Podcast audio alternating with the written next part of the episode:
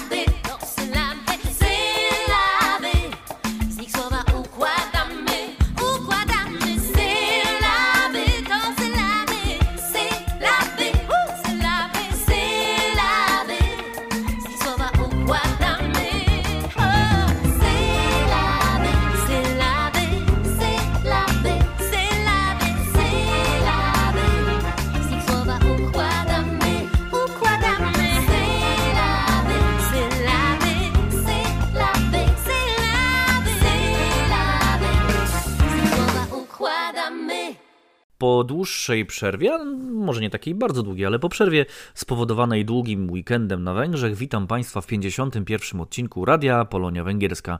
E, w imieniu swoim, czyli Piotra Piętki, a także całego zespołu, e, na początek składamy najlepsze życzenia wszystkim dzieciom, swoim, nie swoim, wszystkim.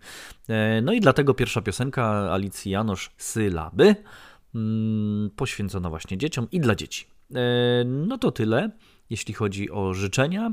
E, no ja oczywiście za chwilę będę życzył Państwu e, miłego słuchania naszego podcastu, który już, tak jak powiedziałem, 51 odcinek. Dzisiaj znowu mamy coś nowego dla Państwa, e, a mianowicie jeden z paneli, będziemy je kontynuować w kolejnych odcinkach, jeden z paneli trzeciego Forum Polsko-Węgierskiego.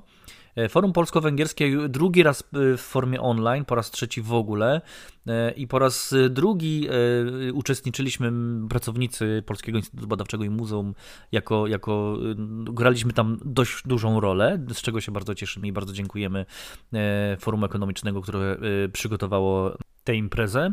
E, no i będziecie Państwo mieli okazję wysłuchać jednego, dzisiaj jednego z tych paneli dotyczącego e, Polaków e, na Węgrzech i Węgrów w Polsce, o, to jak, o, o tym, jak widzą te kraje nawzajem. Będę rozmawiał z kilkoma bardzo niezwykle ciekawymi rozmówcami, ale o tym później. Chciałem tylko jedną rzecz powiedzieć, że Forum Polsko-Węgierskie jest dofinansowywane z Instytutu E, współpracy polsko-węgierskiej imienia Wacława Felczaka. To ważna informacja, bo pokazuje, że ta współpraca działa. E, teraz oddaję głos e, głosowi aksamitnemu, głosowi fantastycznemu, doświadczonemu radiowcowi Robertowi Rajczykowi, który jak, który jak zwykle co tydzień przygotowuje dla Państwa serwis informacyjny o tym, co w Polonii piszczy. Opowie teraz Państwu Robert Rajczyk. Zapraszam na serwis informacyjny.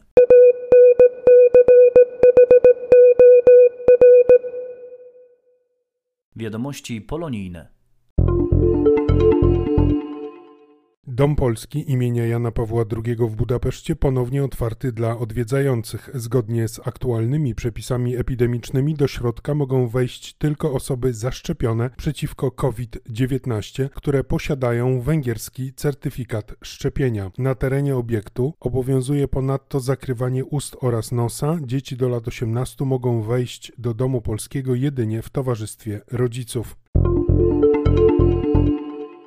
Samorządy polskie 17 i 18 dzielnicy Budapesztu oraz samorząd polski w Wecisz zapraszają 5 czerwca w godzinach 10-15 na festyn rodzinny z okazji Dnia Dziecka. W programie bezpłatnej imprezy w Boka i Kert w 18 dzielnicy zaplanowano m.in. zabawy na dmuchanym placu zabaw oraz wspinaczkę w parku wspinaczkowym dla dzieci o wzroście powyżej 130 cm, które koniecznie muszą mieć ze sobą obuwie sportowe. Zgłoszenia dzieci chętnych do wspinaczki należy przesyłać na adres spk podkreślnik rodzice małpa hotmail.com. Na miejscu podczas festynu będzie można także skorzystać w języku polskim z porad okulisty i pediatry oraz konsultacji z fizjoterapeutą. Dla dzieci przewidziano poczęstunek. Dostępny jest już najnowszy numer miesięcznika Polonia Węgierska. Tematem przewodnim tego wydania czasopisma jest problematyka mniejszości narodowych oraz kwestie narodowościowe w różnych interpretacjach. Swoją działalność na łamach Polonii Węgierskiej prezentuje także m.in. Ogólnokrajowa Szkoła Polska działająca przy Ogólnokrajowym Samorządzie Polskim.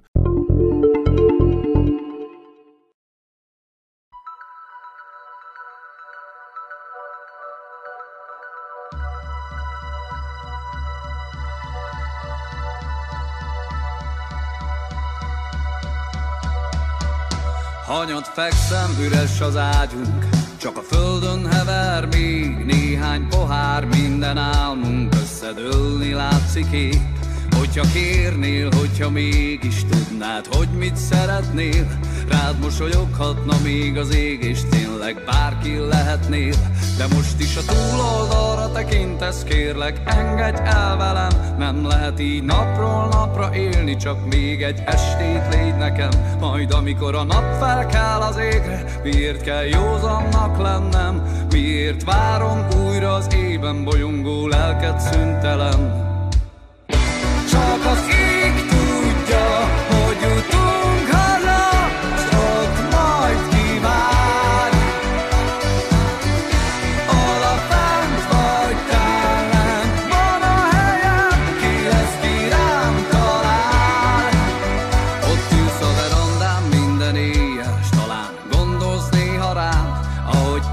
szeljük át a várost egy világ megváltás után. Szabad lenni, de úgy tűnik, az élet esténként bezár. Ennek a végét várni minden éjjel Nem olyan könnyű már. Te most is a túloldalra tekintesz Kérlek engedj el velem. Nem lehet így napról napra élni Csak még egy estét légy nekem. Majd amikor a nap felkel az égre Miért kell józannak lennem?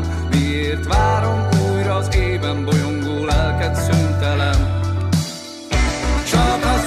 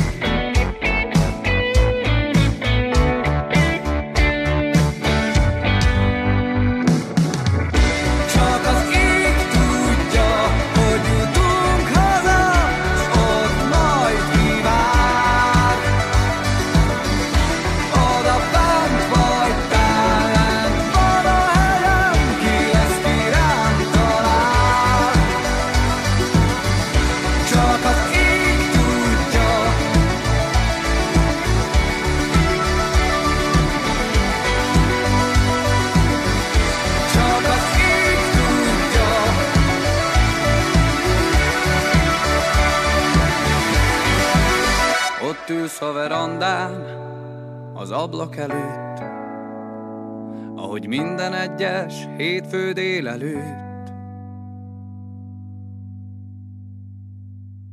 E, W końcu mieliśmy także i piosenkę węgierską. Bogoshi Brothers Company, Ciok os ik tudia. E, No a teraz e, Robert Rajczyk ponownie. Robert Rajczyk, który jak zwykle co tydzień przegląda dla Państwa, teraz miał trochę więcej czasu, e, przegląda polskie tygodniki i wybrał dla Państwa e, kilka bardzo ciekawych, bardzo ciekawych artykułów, które możecie Państwo znaleźć na przykład w internecie, chyba że będziecie korzystać już z tego, że coraz bardziej można podróżować i będziecie Państwo sobie mogli w kiosku gdzieś w Polsce gazety kupić. Robert poleca i teraz oddaję mu głos e, po to, by poprowadził autorski przegląd prasy.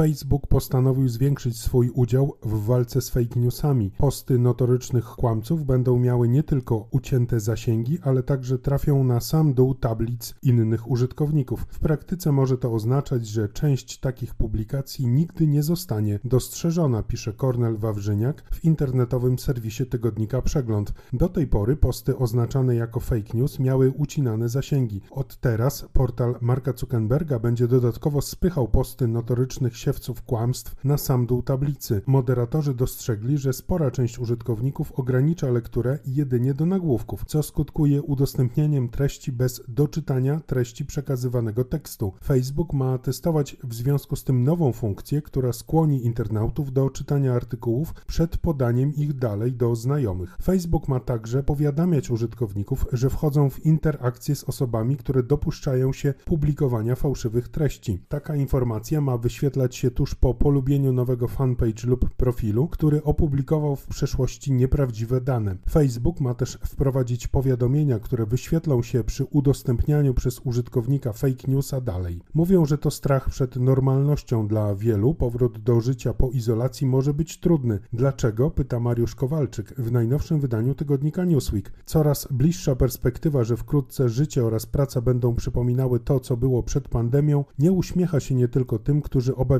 się nielubianych szefów. Przez prawie półtora roku poukładali sobie życie na nowo, wyrobili nowe nawyki i rytuały. Z pracą w domu najtrudniej będzie się rozstać tym, którzy mają duże mieszkania albo domy z ogródkami. Wiele osób będzie musiało sobie przypomnieć nie tylko jak rozwiązuje się konflikty, ale też po prostu jak rozmawia patrząc innym prosto w oczy, a nie przez aplikację internetową. Czytamy w Newsweeku. Z kolei w serwisie internetowym tygodnika Polityka Jędrzej Winiecki zastanawia się, dlaczego nadal tak dużo Polaków nie chce się szczepić na koronawirusa. Generalnie grupa ta to 1 czwarta wszystkich Polaków. To postęp, bo jeszcze w grudniu sceptycznie nastawionych była prawie połowa. Zainteresowanie jest najmniejsze wśród osób młodych, mniejszą skłonność przejawiają kobiety, osoby o poglądach prawicowych, konserwatywnych, te bez specjalnego zaufania do Unii Europejskiej, naukowców i lekarzy oraz mający inklinację do pokładania wiary w teorie spiskowe. Spośród przyczyn braku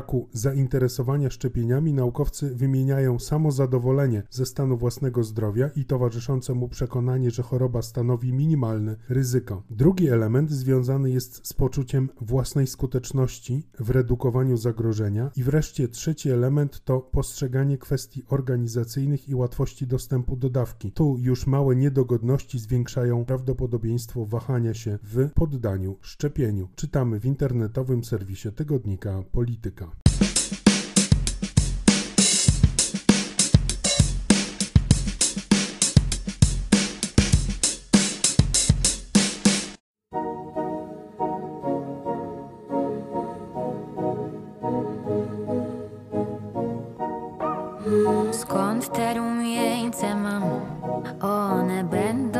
Rozkwitały całe dnie. Jeśli mi słówko dasz, że zostanę w twej pamięci. Oczy me,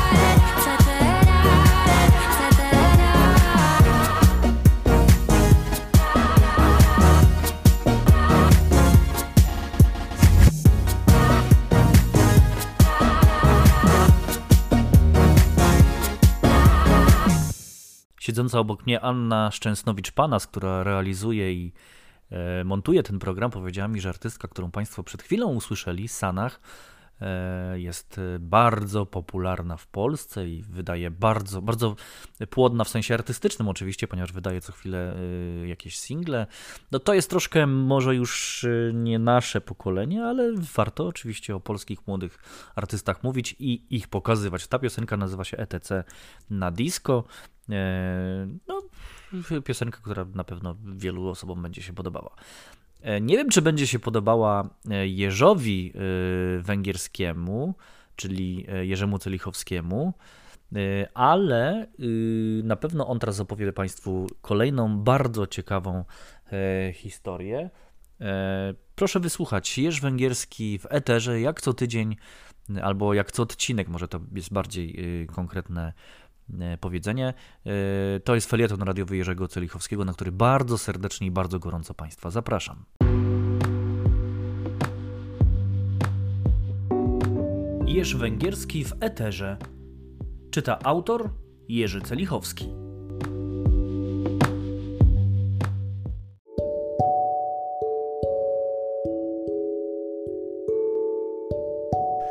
Ruch kobiecy, feminizm jest na Węgrzech w porównaniu do Polski mniej widoczny. Nie ma kongresu kobiet, nie ma strajku kobiet, nikt nie oblicza procentowej obecności kobiet w życiu publicznym. Koncepcje feministyczne odgrywają marginalną rolę w debatach społecznych.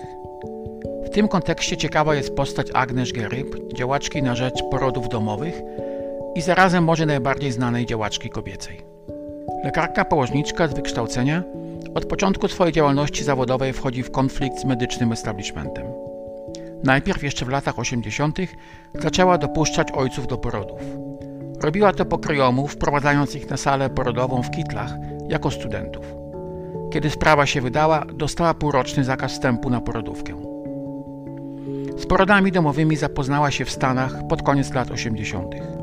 Po powrocie do kraju zaczęła przyjmować porody w domach swoich pacjentek. Był to czas początku transformacji na Węgrzech i Geryb starała się wykorzystać klimat dla zmian.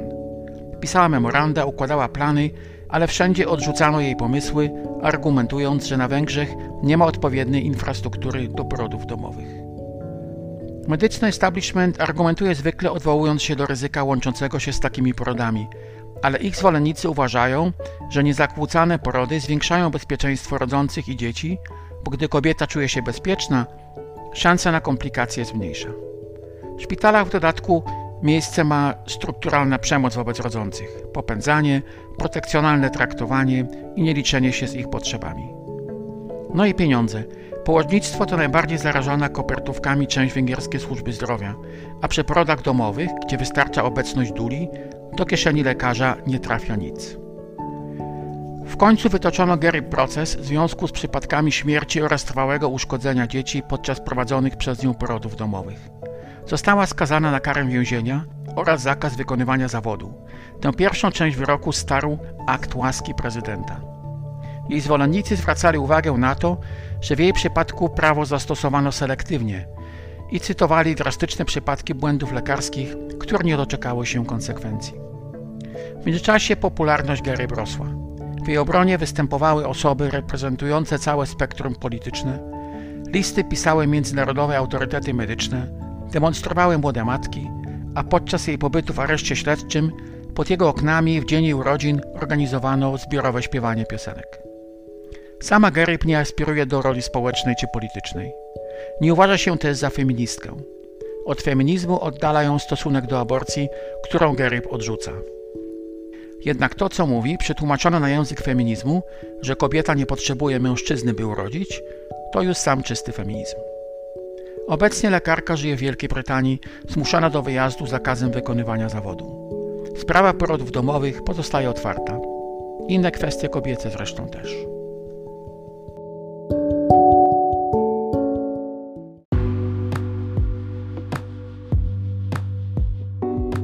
Jerzy Węgierski w Eterze. Czyta autor Jerzy Celichowski.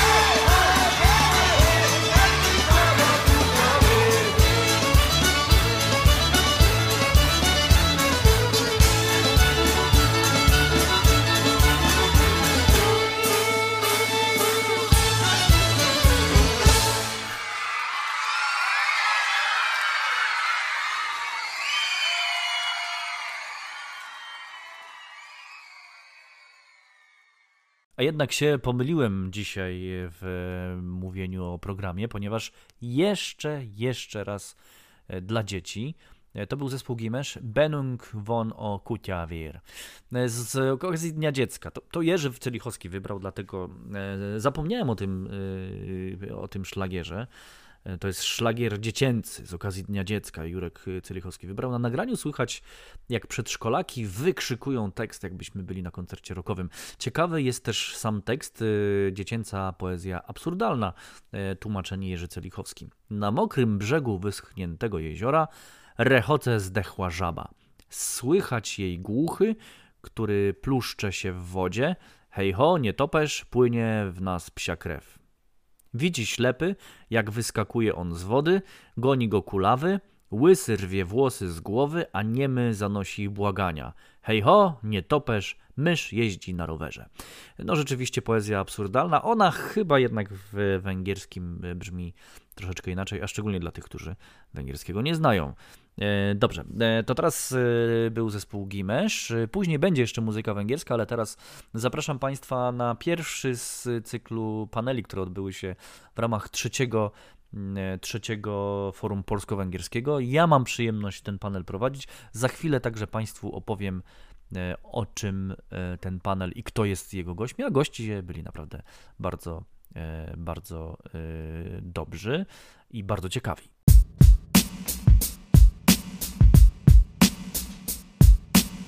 Dzień dobry Państwu. E, Ja powoli zacznę przedstawiać może moich panelistów e, i będzie e, po prostu pójdzie nam nieco szybciej z pani Halina Borcynej-Sowa, wiceprzewodnicząca Ogólnokrajowego Samorządu Polskiego na Węgrzech, ciała przedstawicielskiego w państwie węgierskim, która od wielu, wielu lat mieszka na Węgrzech, a konkretnie w Miszkolcu. Mam nadzieję, że za chwilę pani przewodnicząca nam się pojawi. E, Lećmy dalej. E, O, już powoli za mgłą. E, Witam pana profesora Czobekisza, węgierskiego literaturoznawcę, historyka kultury i sztuki. Obecnie pan profesor nosi tytuł, taki najważniejszy tytuł, profesor emeritus Uniwersytetu Loranda Etfosza w Budapeszcie, no ale w swoim życiu zawodowym był wykładowcą wielu uczelni. Dla naszej rozmowy myślę, że najważniejszą z nich jest Uniwersytet Warszawski. Witam panie profesorze, dzień dobry, Jona Podkiwanek profesor. Dobry, kłaniam się. E, Jest z nami e, Imre Molnar, e, socjolog, historyk i dyplomata. Swego czasu atasze kulturalny i radca polityczny ambasady węgierskiej w Warszawie. Mówię o jednej oczywiście funkcji, która dla naszej rozmowy jest najważniejsza. Prywatnie nie jest sam, ponieważ jest nas tu trzech, prywatnie mąż Polki. Witam Imre, witam pana Molnara. Witam serdecznie wszystkich, dzień dobry. E, I Piotr Bedyński, pan Piotr Bedyński, od e, kilku miesięcy wiceprezes najstarszej polskiej organizacji na Węgrzech, czyli Polskiego Stowarzyszenia Kulturalnego imienia Józefa Bema. E, Także od kilkudziesięciu lat mieszkający na Węgrzech. Witam. Nie będę ukrywał, bo z częścią osób się znamy, więc na razie prywatnie witam Cię, Piotrze, miło Cię zobaczyć. Witam wszystkich, dzień dobry, Jona Podkiwanek. Y, I, I krótko, ja nazywam się Piotr Piętka. y, Ja mam na, na Węgrzech najkrótszy staż, ponieważ mieszkam tutaj od 7 lat. Jestem politologiem i dziennikarzem. Na co dzień mam zaszczyt być dyrektorem, tak jak już wcześniej y, pani Kuchcińska wspomniała, być dyrektorem Polskiego Instytutu Badawczego i Muzeum w Budapeszcie. Nasz panel. Polska oczami Węgra. Mamy tutaj dwóch przedstawicieli narodu węgierskiego i Węgry oczami Polaka i Polki, przepraszam bardzo pani Halino. Y, tak jak napisałem i rozmawialiśmy z częścią z Państwa wcześniej, chciałbym, żebyśmy troszeczkę mm, e, historycznie, być może politycznie, socjologicznie porozmawiali, ale przede wszystkim osobiście. Myślę, że to będzie e, spore e, uzupełnienie. Bardzo dobrze, że nasz panel jest po tym, który był wcześniej, gdzie było bardzo historycznie. Ale zacznę naszą rozmowę dość e, przewrotnie. Bo przecież mimo mm, tej wielkiej przyjaźni, wspólnej historii e, i po, po prostu zwykłej międzyludzkiej sympatii, nie ma zbyt wielu e, Polaków na Węgrzech, ani e, tym bardziej Węgrów w Polsce. Szacuje się, że Polaków e, czy osób pochodzenia polskiego jest na Węgrzech od 5 do 12 tysięcy osób. Ja mówię oczywiście o tych, którzy e, są e, obywatelami Węgier, ale także tych, którzy mieszkają, tak jak ja na przykład, nie mających obywatelstwa węgierskiego. Co do Węgrów w Polsce, ja nie znalazłem takich dokładnych danych, ale wiem z prywatnych rozmów, że nie jest ich zbyt wielu. Panowie, szczególnie zwracam się do profesora Kisza i do pana Imre Molnara. Czy to jest kwestia historyczna, kulturowa, czy może po prostu ekonomiczna? Panie profesorze. No, bardzo trudno o tym, o tym mówić tak e, krótkim czasie, ale ja uważam, że e, istnieją pewne wspólne cechy e, mentalne Polaków i, i Węgrów, a w czasach historycznych dla Węgrów Polak był zworem patriotyzmu. Polak był rycerzem walczący o wolność, prawda? Ale istniała też druga strona medalu. E, e, Dla Węgrów czasami Polacy byli e, bohaterami, nierealistami, nierealistami. I u nas też istniał stereotyp, jak Niemcy mówili, prawda, i mówią polnische Wirtschaft, czyli bardzo negatywna ocena sytuacji gospodarczej w Polsce. Czyli istniały te dwie strony medalu, te, tych stereotypów. Z jednej strony bohater, prawda, walczący, z drugiej strony e, polityk nierealny, prawda, marzycielem, e, nie znając e, realiów, prawda. I nawet w XX wieku istniały te, te stereotypy. To jest jedna sprawa. Jedna sprawa. Dru- Druga sprawa, że skąd się wziął ten stereotyp bardzo pozytywny? To oczywiście powstały te charaktery przede wszystkim w XIX wieku. I tutaj e, trzeba powiedzieć, że bardzo ważną rolę odegra kultura szlachecka. Proszę pamiętać o tym, że w literaturze nawet XX wieku, prawda, te tradycje, jak e, są obecne w literaturze e, węgierskiej, Dziulak Rudy na przykład, w literaturze polskiej Witold Gombrowicz, prawda.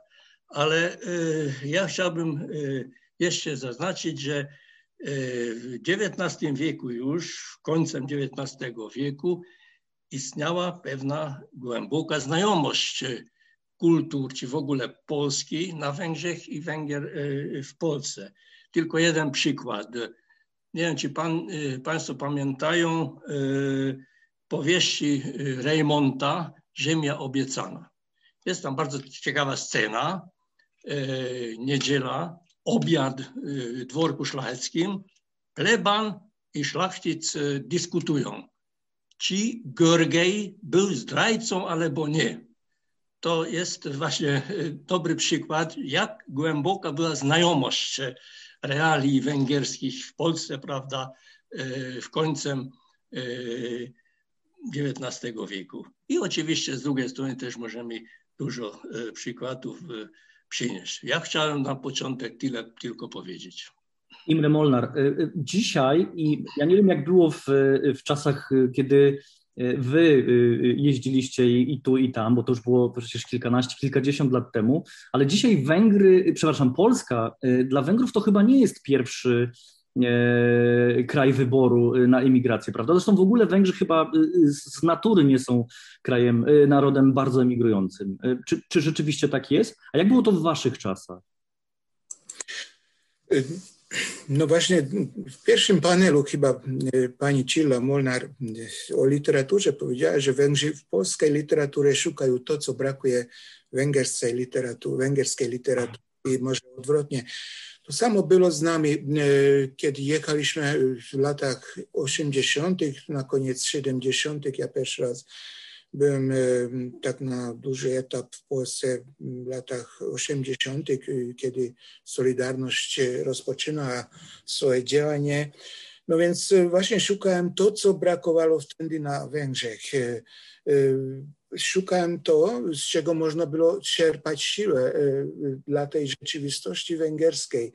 Czerpać siłę, żebyśmy byli, e, żebyśmy przeżyli jakoś tą, tą, tą kaderowskie bagno, który nas e, wtedy mm, e,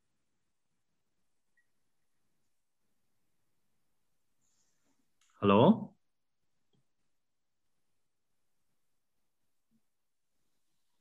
Halo, halo, czy Państwo słyszycie Imre Molnara? Nie.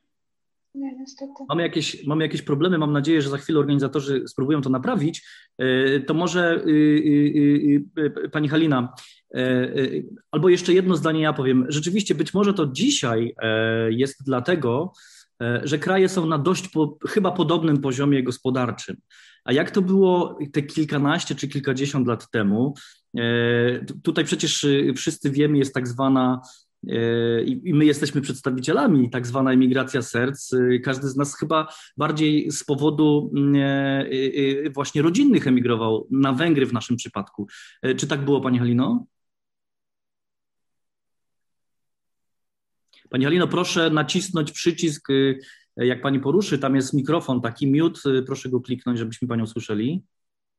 Halo, halo, czy ja, ja czy byłem w ogóle słyszany? Nie do końca. Y, Teraz poproszę panią Halinę. y, Proszę nacisnąć mute. Mikrofonik. Jak pani poruszy. y, Piotrze, ja napiszę może informację pani Halinie, a ty jakbyś mógł się wypowiedzieć na ten temat. Jak było to w twoim przypadku? Czy to było W moim wypadku. e, trochę no, pewnie nie ekonomicznie, ale też życiowo, prawda? Pewnie. Emigracja serc, tylko była to emigracja studencka, a później nastąpiła dopiero e, integracja serc. E, ale, ale już na rzeczywiście e, to, środowisko węgierskie wciągnęło mnie właściwie z powodu, który wspomniałeś. Także to jest jednak bardzo duża siła, która obecnie nawet e, czuję, że e, bardzo e, zmieniła się ta. e, Brakuje mi słowa. E, Chodzi, chodzi mi o to, że obecnie zauważam, że większość osób, e, miesza, miesza, mieszanych małżeństw, z którymi się spotykam, e, według następującego schematu działa. Poznaliśmy się w Holandii, e, w, gdzieś w Anglii i, i przyjechaliśmy na Węgry, osiedliśmy się tutaj. Węgier i Polak, Polak i Węgierka, którzy e, z jakichś powodów e, do siebie dążą. Nawet, nawet gdzieś na emigracji, gdzieś w krajach zachodnich. To jest zjawisko w miarę nowe według mnie i bardzo ciekawe. E, To nie, potrafię tego wyjaśnić i nikt tego nie potrafi wyjaśnić, ale, ale tak jest. Pani Halino, jak to było w pani przypadku? Teraz chyba się będziemy słyszeć już. Nie, nie będziemy się słyszeć. Niestety. O, chyba. Niech pani spróbuje teraz. No niestety mamy, mamy techniczny problem. E, To spróbujmy jeszcze go rozwiązywać, a ja oddam głos y, Imre Molnarowi, y, ale troszeczkę przedłużę to pytanie, albo inaczej, czy a, a, a pan zna jakby te realia i w jednym, i w drugim kraju bardzo dobrze. E, Czy trudno jest się e, Węgrowi w Polsce, albo było, a, a, a tak naprawdę do dziś odnaleźć w Polsce? Czy mimo tych wszystkich, mimo tych wszystkich e, wspaniałych cech, które nas łączą, no jednak to są dwa inne narody, trochę dwie inne kultury. Czy jest trudno się odnaleźć Węgrowi w Polsce? Tak na co dzień, nie, nie, nie jako Tak. turysta oczywiście. Tak jak nie wiem, czy ile było słyszeć z po- poprzednich moim, z mojego wypowiedzi, ale mniej więcej połowę. Y, ojej, szczerze mówiąc, kiedy, gdy jadę do Polski, to jadę do swoich i to, to nie wiem z czego się to wypływa, ale każdy Węgier, który wróci z Polski, no oczywiście z wyjątkiem może negatywnych przeżyć, y, mówi, że czuje się w Polsce jak w domu. Jest jakieś nie, niewytłumaczalne, wytłumaczalne według mnie powiązanie duchowe, można tak to powiedzieć, duchowe czy uczuciowe, które nas s- oprócz tych e, faktów historycznych łączy e, do siebie, bo prawie Józef Antas, senior, pisze w swoich e, wspomnieniach, że e,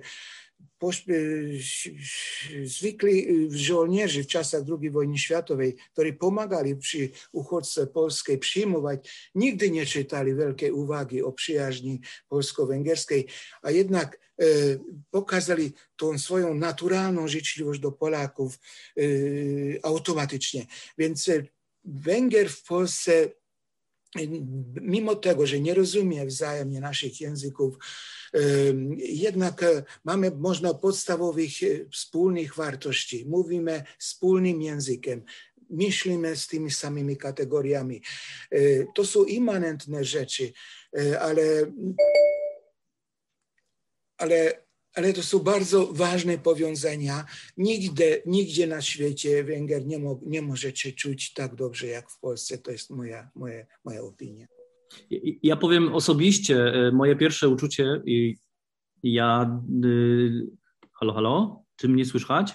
Tak, tak. Przepraszam bardzo. Y, Ja, ja moje pierwsze uczucie, kiedy ja zacząłem mieszkać w Budapeszcie, a wcześniej mieszkałem kilka ładnych lat w Warszawie, to rzeczywiście bardzo szybko w Budapeszcie y, czułem się jak u siebie.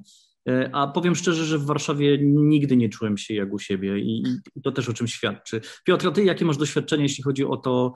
E, za chwilę oddam panu profesorowi głos, ale też jakby poszerzę o, jeszcze jedną rzecz. Piotrek, szybko, e, jak, jak, jak ty się czułeś tutaj? Czy to rzeczywiście był tak szybko dla ciebie dom? Mówię o Węgrzech. Bardzo szybko. To znaczy język, każdy pytał się, jak szybko można się nauczyć języka i rzeczywiście język jest potrzebny, żeby się zaaklimatyzować. Natomiast jak człowiek zmuszony jest, e, żeby e, się go nauczyć, to to jest naprawdę kwestia kilku miesięcy. I e, środowisko było naprawdę bardzo serdeczne. Ja te pierwsze miesiące wspominam bardzo ciepło i mam, mam kilka jeszcze takich no, dosyć odległych już wspomnień, o których już teraz nie będę mówił, ale, ale potwierdziłbym to, co mówił pan Molnar tylko e, symetrycznie. To znaczy, e, jako Polak e, czuję się już tutaj jak w domu. No to jest naturalne, ponieważ spędziłem tu już olbrzymią część mojego życia, ale jest to potwierdzane przez prawie wszystkich moich kolegów Polaków, koleżanki Polki, które żyją tutaj na Węgrzech. Absolutnie coś, e, jest, jest jakaś nutka e, sympatii, która mm, no, nie, nie jest racjonalna. Na pewno nie potrafię tego wytłumaczyć. Czy potwierdzicie panowie, że mm, y, y, szczególnie teraz y, do pana profesora zwracam się, czy to jest trochę tak, że te stosunki międzyludzkie, najzwyczajniej w świecie międzyludzkie. E, uśmiecham się do pana profesora, bo przecież e, gdzieś tam kiedyś rozmawialiśmy na temat autostopowiczu, przecież Węgrzy jeździli na, na autostop, to jest, to jest świetne wspomnienie, ale czy te stosunki międzyludzkie też się przenoszą jakby na stosunki państwowe, międzypaństwowe? E, e, e, rzeczywiście to jest bardzo dobry okres dla stosunków polsko-węgierskich. Tutaj nie ma żadnych wątpliwości. Obydwa rządy się dogadują chyba całkiem dobrze. Oczywiście jest kilka różnic, ale one są bardzo, bardzo nieznaczne. Przecież to nie przypadek dzisiejszy premier Węgier pisał pracę magisterską o Polsce, czyli o polskiej Solidarności.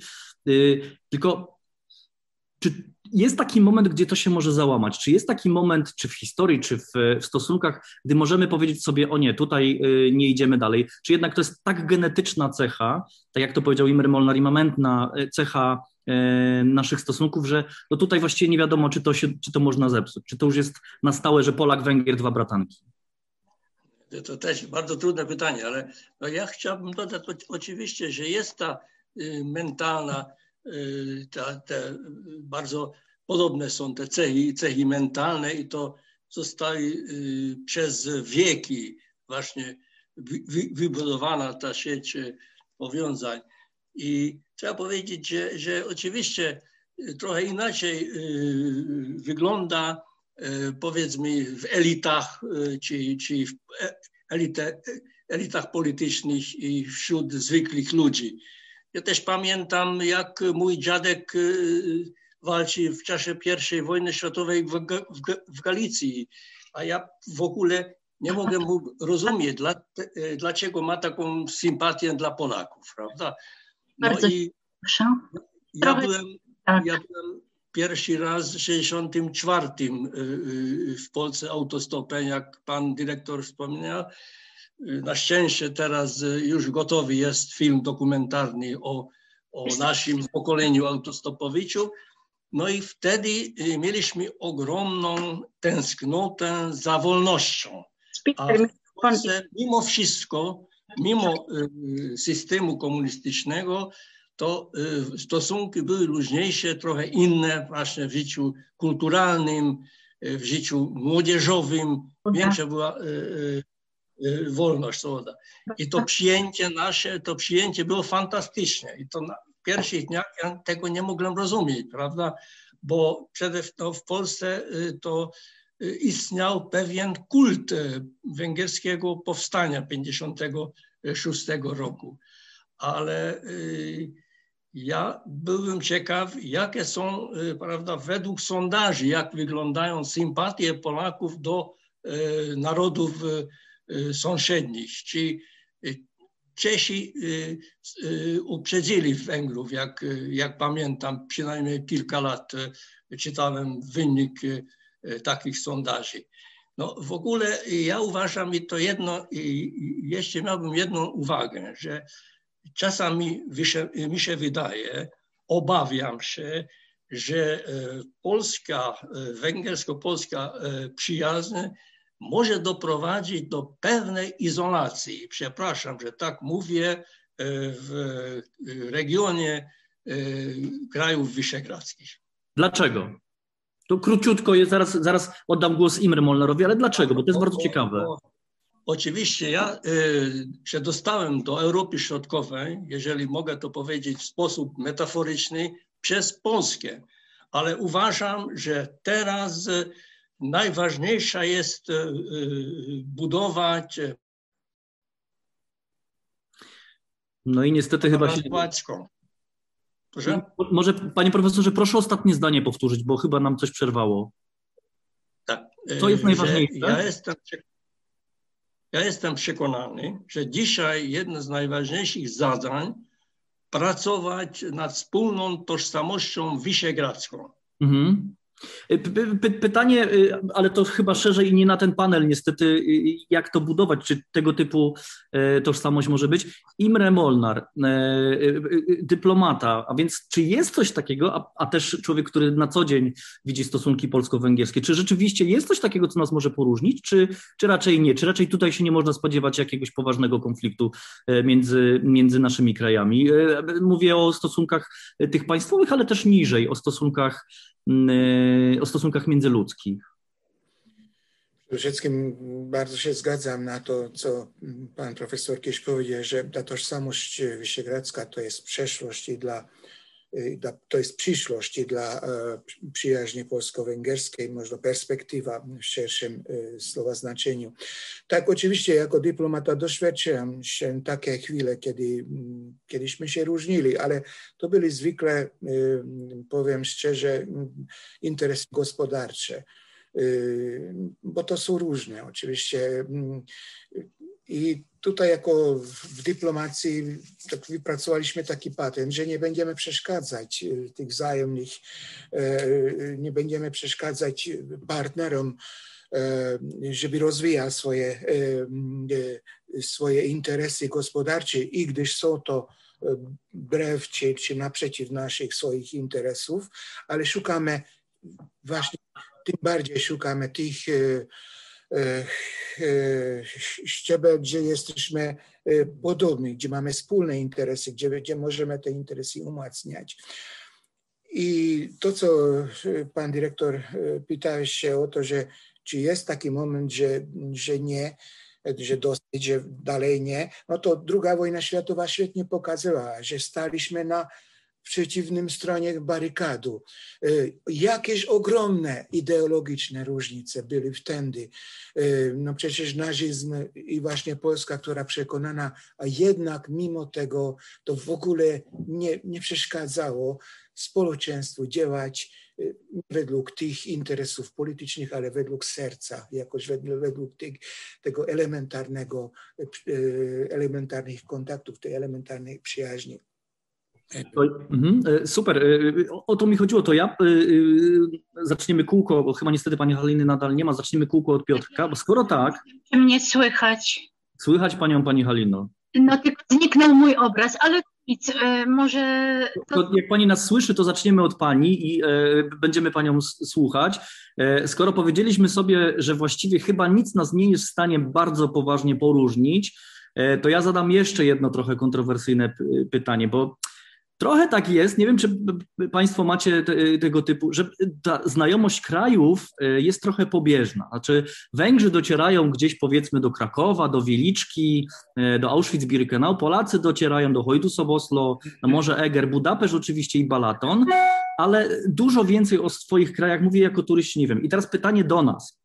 Co my możemy zrobić, yy, co pani Halina, pan Piotr, pan profesor i pan Imre, możemy zrobić, żeby te nasze kraje, żeby promować yy, te nasze kraje yy, nawzajem, yy, żebyśmy nie tylko docierali w te takie stałe punkty programu, ale żebyśmy się jeszcze bardziej poznawali, żeby ta znajomość wzajemna była no, jeszcze szersza, żebyśmy rzeczywiście byli nie tylko od święta, ale na co dzień tymi bratankami. Pani Halino. Ja myślę, że bardzo dużo możemy zrobić. Ja to robię każdego dnia i robię to swoim życiem. To znaczy, wszelkie moje kontakty z Polską i Polakami, to często jest właśnie uświadamianie Polaków na temat historii węgierskiej. Muszę powiedzieć, że kiedy ja w 1990 roku właśnie jako klasyczna emigrantka sercowa trafiłam na Węgry. Okazało się, że tak naprawdę ja prawie nic nie wiem o historii Węgier, a z czego to wynikało, że ja chodziłam do szkoły w czasach komunizmu. W tamtych czasach bardzo wiele było faktów przemilczanych albo przekłamanych i to, co my uczyliśmy się o Węgrzech, o Węgrach, o kontaktach polsko-węgierskich to było praktycznie nic, albo no, jakaś minimalna wiedza. I dopiero bo tak naprawdę ja będąc na Węgrzech poznałam historię Węgier. I kiedy tylko mam okazję, no niestety w ostatnim czasie zamknęły się te nasze kraje z powodu tej sytuacji epidemicznej, ale kiedy jeszcze każdego roku bywałam w Polsce, przy okazji każdej rozmowy bardzo dużo mówiłam tak faktów historycznych z historii Węgier, o których wiem, że na pewno Polacy nie wiedzą nic albo prawie nic. Więc ja starałam się tą wiedzę historyczną tak jakby um, uzupełniać y, u moich rodaków, bo wiem sama po sobie, że ja przyjeżdżając na Węgry w 90 roku, czyli to był taki rok bardzo przełomowy, prawda? Były te przemiany ustrojowe. Akurat ja zostawiłam tą Polskę komunistyczną, a znalazłam się właśnie na Węgrzech, który też rozpoczynał swoją nową epokę, czyli dokładnie w tym momencie przełomu dziejów i po prostu Efektem tego jest to, że często przyjeżdżając do Polski, czy to na wakacje, czy właśnie do rodziny, czy dzięki różnym kontaktom właśnie tym polsko-węgierskim, no po prostu ja odkrywałam Polskę na nowo, bo to już nie była ta Polska, którą ja zostawiłam w roku 1990. To była już zupełnie inna Polska, ale też myślę, że i Węgry stały się zupełnie innym krajem.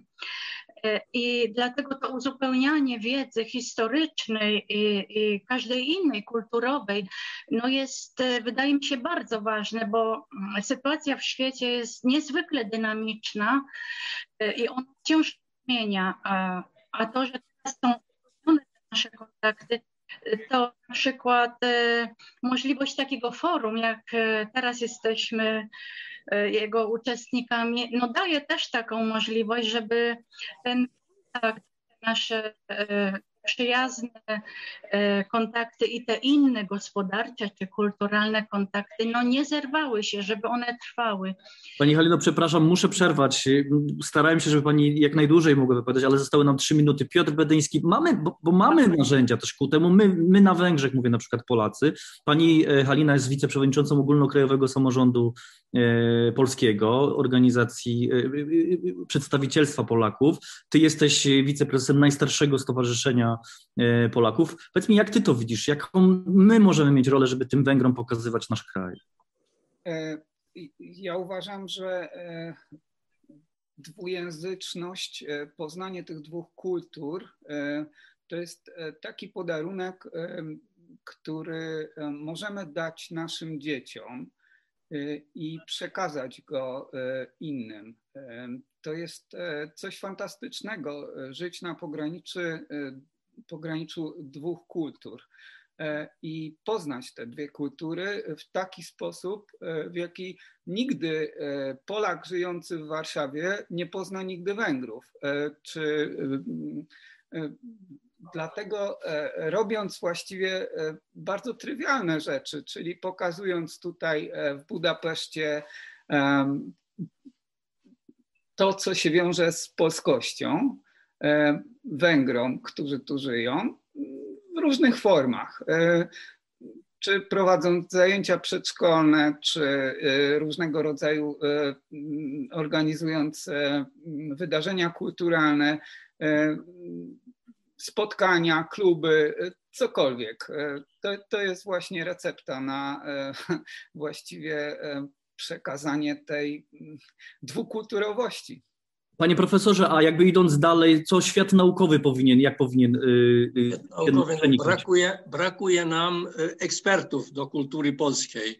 Nie mamy historyków, nie mamy politologów.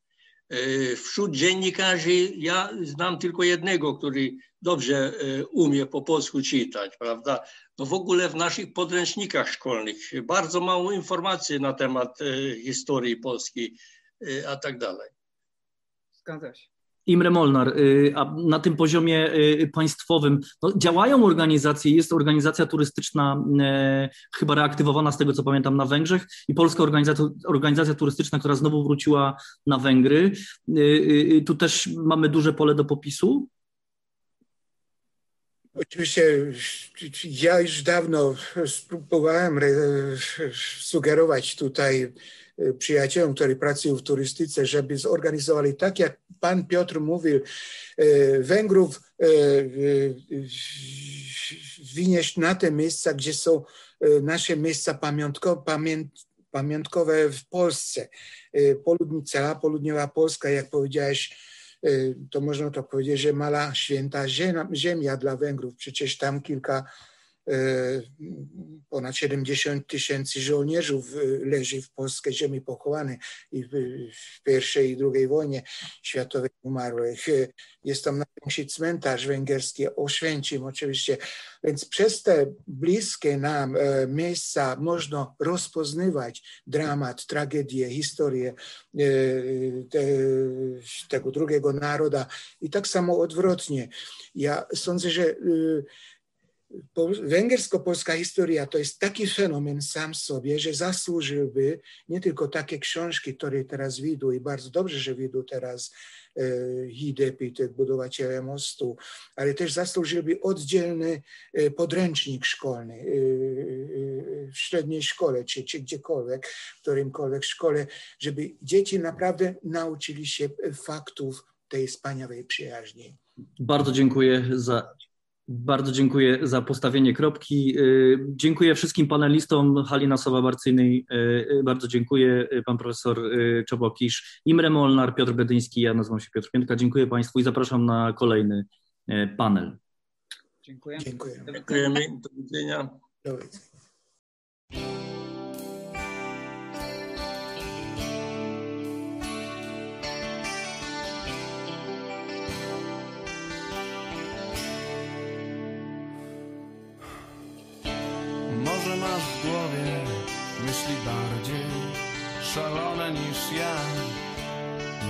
Masz skrzydła, których by tobie pozazdrościł ptak. Może masz serce całe ze szlachetnego szkła. Może masz kogoś, a może właśnie kogoś ci brak